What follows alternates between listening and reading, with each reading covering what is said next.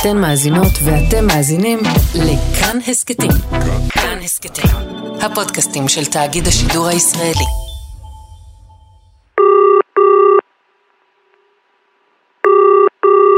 היי שאול, מה העניינים? מה המצב תומר?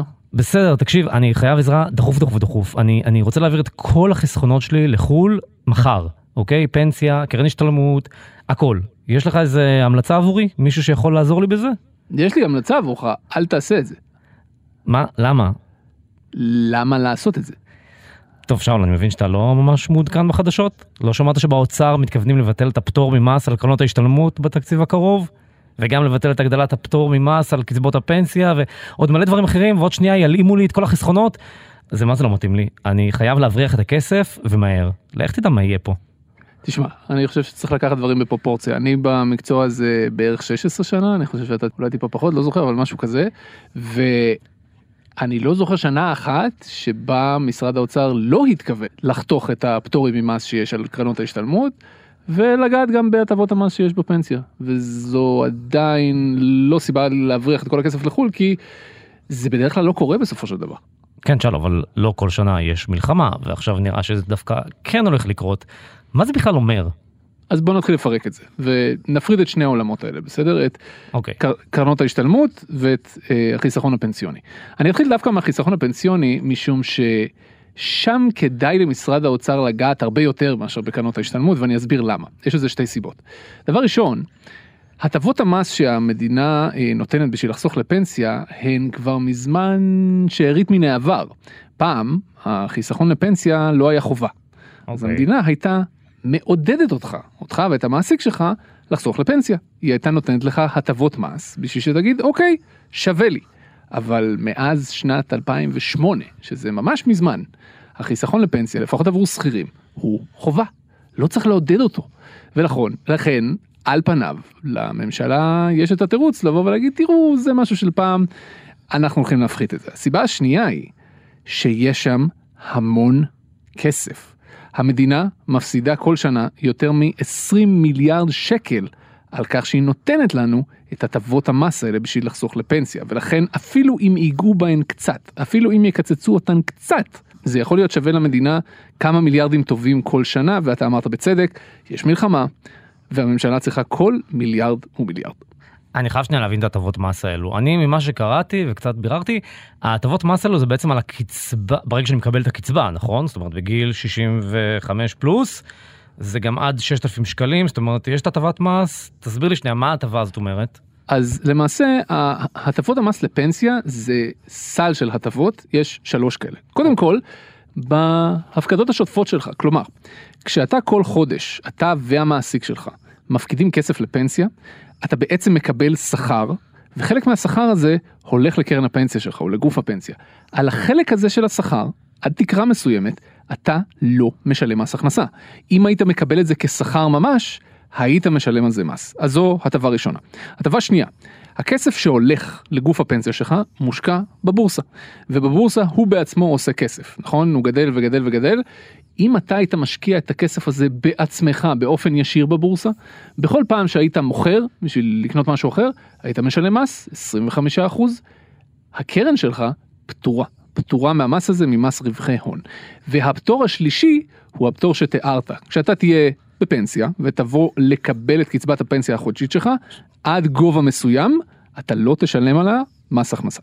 טוב, שזה עוד המון המון המון זמן, וזה הפטור שרוצים אה, בעצם לבטל, נכון? את השלישי. במשרד האוצר היו שמחים לבטל את כל שלושת הפטורים האלה. אוקיי. Okay. אה, הם מבינים אבל שקודם כל הם צריכים להתעסק בעיקר עם העשירון העליון. משום שחמשת העשירונים התחתונים תכלס לא נהנים בכלל מהטבת המס כי הם מתחת לרף המס הם mm-hmm. לא משלמים מס anyway זה לא משנה אם זה בשוק העבודה או בפנסיה ולכן הם קודם כל נוגעים בעשירון העליון והדרך לעשות את זה היא פשוט להוריד להוריד את התקרה שמעליה כבר אין פטור ממס הכנסה. זה לא משנה אם זה בשלב שאנחנו פנסיונרים זה לא משנה אם זה בשלב שאנחנו עובדים.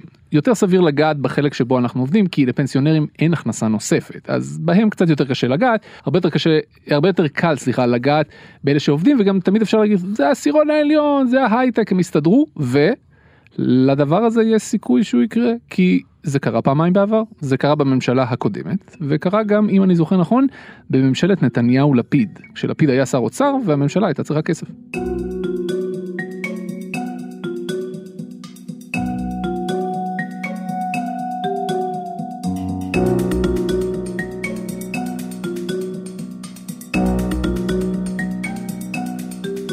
עכשיו בואו נבוא לדבר על קרנות השתלמות שהן קרנות ההשתלמות שהן קצת יותר מדאיגות. אה, לי יש לא מעט כסף בקרנות ההשתלמות, אני מוכן להודות.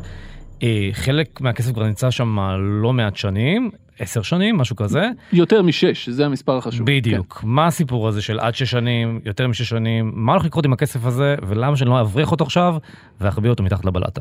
אז הדבר הזה שאמרת עכשיו, הוא בעצם מגלה את הסוף של הסיפור. נתחיל מההתחלה שלו. קרן השתלמות זה מין שריד כזה מפעם. זה כשעוד אנשים באמת היו יוצאים בשנה השביעית, בעיקר מורות ומורים, לשבתון, ומשתמשים בכסף הזה בשביל השתלמות מקצועית. איכשהו, לא משנה מה, מסיבות היסטוריות התרחב לחלקים גדולים של המשק. עד לשנים האחרונות זה היה בעיקר לעשירונים העליונים, אבל בשנים האחרונות יש, אה, בגלל הסכמים קיבוציים, יש איזה גם לעובדי ניקיון ושמירה ואבטחה וכאלה. כך שזה די רחב היום. וקרן השתלמות זה בעצם מקלט המס של מעמד הביניים. כשאתה מפקיד לשם כסף, אתה לא משלם מס עד לתקרה מסוימת על זה שהכסף, אה, אה, שקיבלת את ההטבה הזאת מהמעסיק, אתה לא משלם מס הכנסה, אתה שוב לא משלם מס רווחי הון על הרווחים שזה עושה שם, וגם במשיכה אחרי שש שנים, אתה לא משלם מס, שזה באמת... יופי של דבר. כן. ולכן באמת אה, אה, אה, גם העצמאים מקפידים לנצל כמה שהם יכולים את ההטבה הזאת מהמדינה. עכשיו, בשביל שזה לא יהיה כזה מקלט מס too much, המדינה באה ואמרה אי אפשר למשוך את הכסף בשש השנים הראשונות, רק מהשנה השביעית ואילך. עכשיו, כל פעם שמשרד האוצר יכול, הוא מנסה לבטל את הפטורים ממס על קרנות ההשתלמות, ותמיד תחת אותו נימוק מי שבעיקר נהנה מזה זה העשירון העליון, אין סיבה לתת את ההטבה הזאת דווקא לעשירון העליון, זה לא הגיוני שיתר העשירונים מסבסדים אותו, ובכל הפעמים שאני ראיתי, מי שבסופו של דבר בולם את זה, זו ההסתדרות. ההסתדרות מייצגת הרבה מאוד עובדים חזקים, העובדים החזקים האלה מאוד נהנים מקרנות ההשתלמות, לכן ההסתדרות תמיד מצליחה להוריד את זה מהשולחן, זו גם אחת הסיבות שלהסתדרות היה כל כך חשוב להכניס פנימה גם את עובדי השמירה, הניקיון והאבטחה, בשביל שהאוצר לא יוכל יותר להגיד זה העשירון העליון. ברגע שהם בפנים, זה לא רק העשירון העליון, במספרים מוחלטים זה עדיין העשירון העליון, הוא הנהנה העיקרי. עד כה, ההסתדרות תמיד הצליחה להוריד את זה מהשולחן, וההימור שלי, שגם הפעם זה יצליח, משתי סיבות. הסיבה הראשונה, משום שההסתדרות יכולה לבוא ולהגיד, רגע, רגע, רגע, אתם חילקתם את כל הכספים הקואליציוניים לכולם, ועכשיו אתם דורשים שאנחנו, העובדים, ניכנס תחת האלונקה? לא רוצים. או כולם, או אף אחד. זה נימוק ראשון. אוקיי. Okay. הנימוק השני הוא מה שאתה אמרת. אם אנשים יבינו שקרן ההשתלמות מפסיקה להיות מקלט המס שהיא היום, אין שום סיבה בעולם שהם ימשיכו להשקיע בבורסה דרך קרן השתלמות ולשלם דמי ניהול יחסית גבוהים.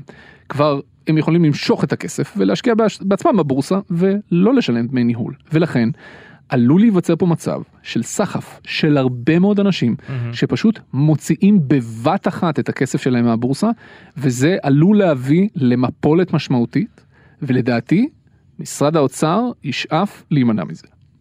רגע, יכול להיות אבל שהוא יבטל חלק מהפטור על המס, לא כאילו משנה מסוימת, זה גם איזה תרחיש אה, ששוקלים, לא? אז מדברים על כמה אפשרויות, יכול להיות שזה משנה מסוימת לבטל את הפטור ממס על רווחי הון, כלומר שמאותו רגע אה, הכסף שעושה כסף כן ימוסה, יכול להיות שיקטינו את התקרה, למשל עד עכשיו אם עד 20 אלף שקל בשנה אתה פטור ממס, אז בוא נוריד את זה ל-15 אלף שקלים או 10 אלפים שקלים, יכולות להיות כמה וריאציות, כך או כך זה עלול להביא למשיכת יתר של כספים מהבורסה, ואני ממש לא חושב שבמשרד האוצר היו רוצים בעת הזו במלחמה, שאנשים ימשכו כסף מהבורסה, להפך, הם היו רוצים שאנשים ישקיעו בבורסה כמה שיותר.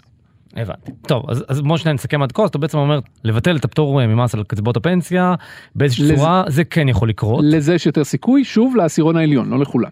אוקיי, וה, והביטול הפטור ממס על קרנות השתלמות, סיכוי יותר נמוך.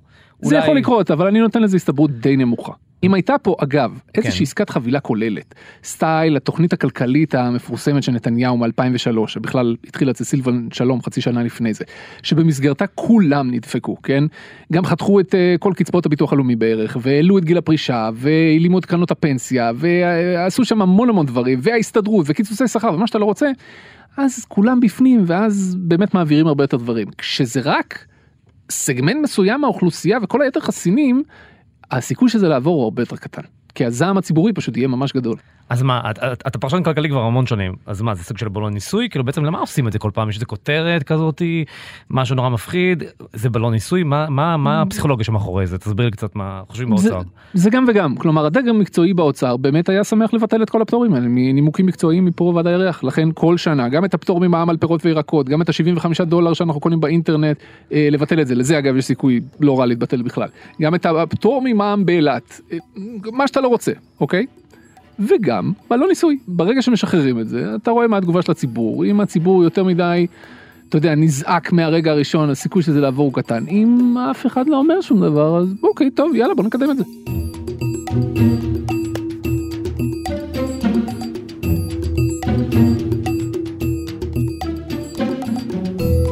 כחלק מהתבהלה סביב הצעדים האלו ש...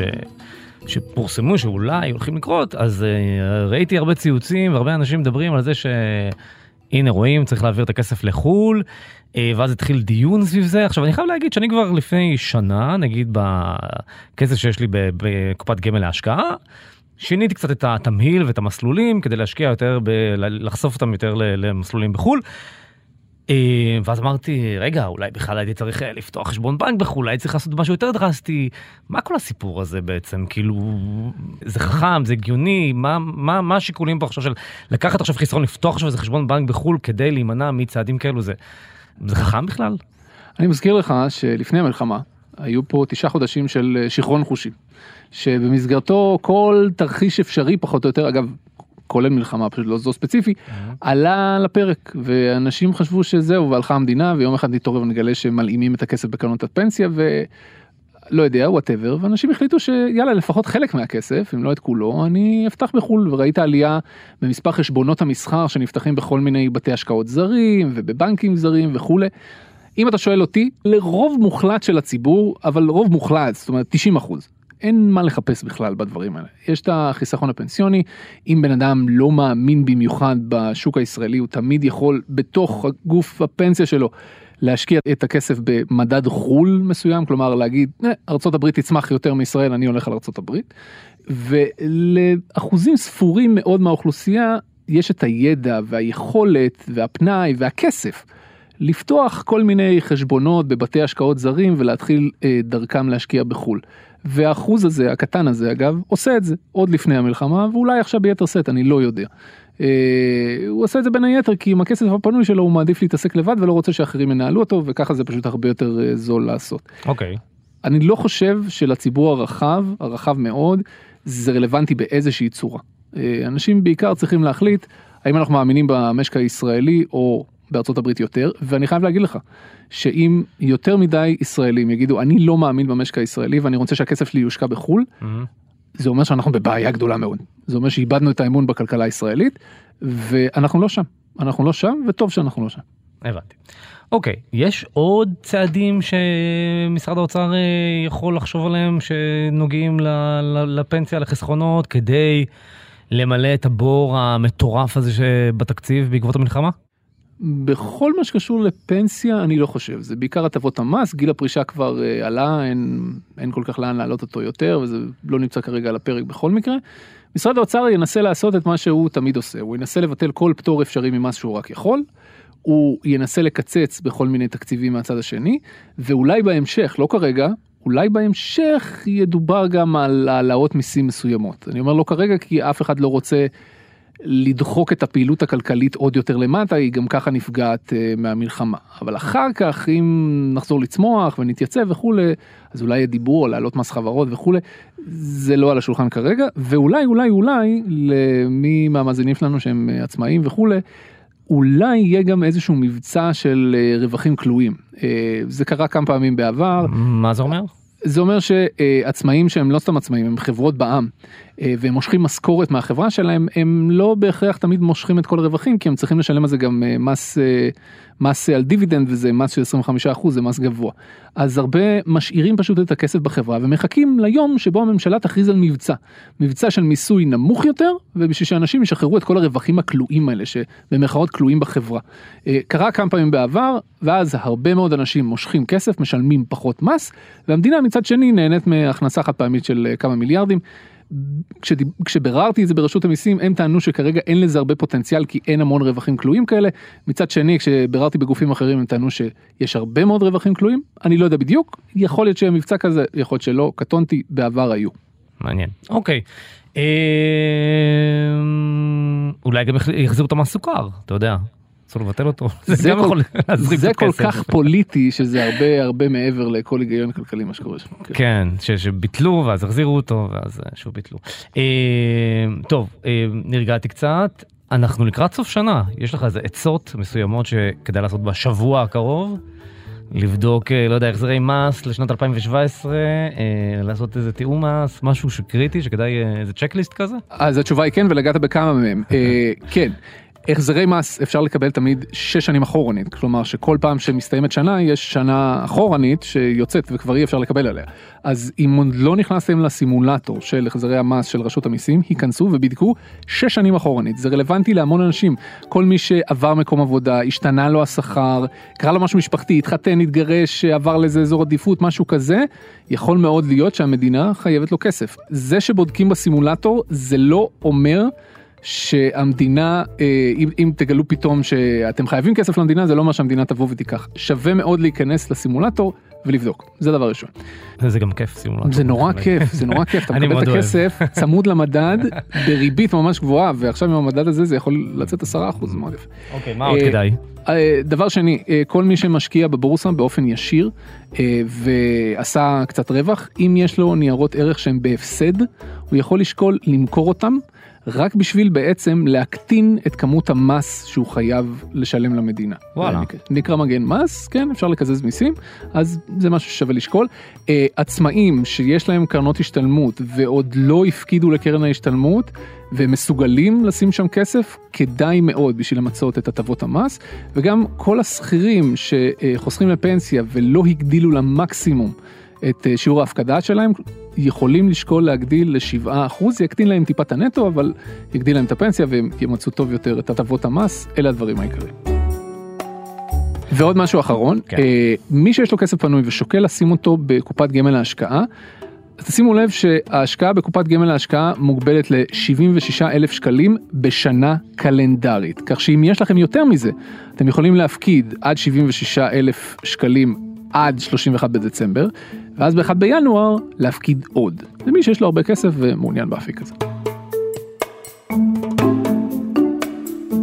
טוב שאול, גם הרגעת אותי קצת וגם נתת לי מידע חדש ורלוונטי. תומר תהיה רגוע, הכל יהיה בסדר. תודה שאול.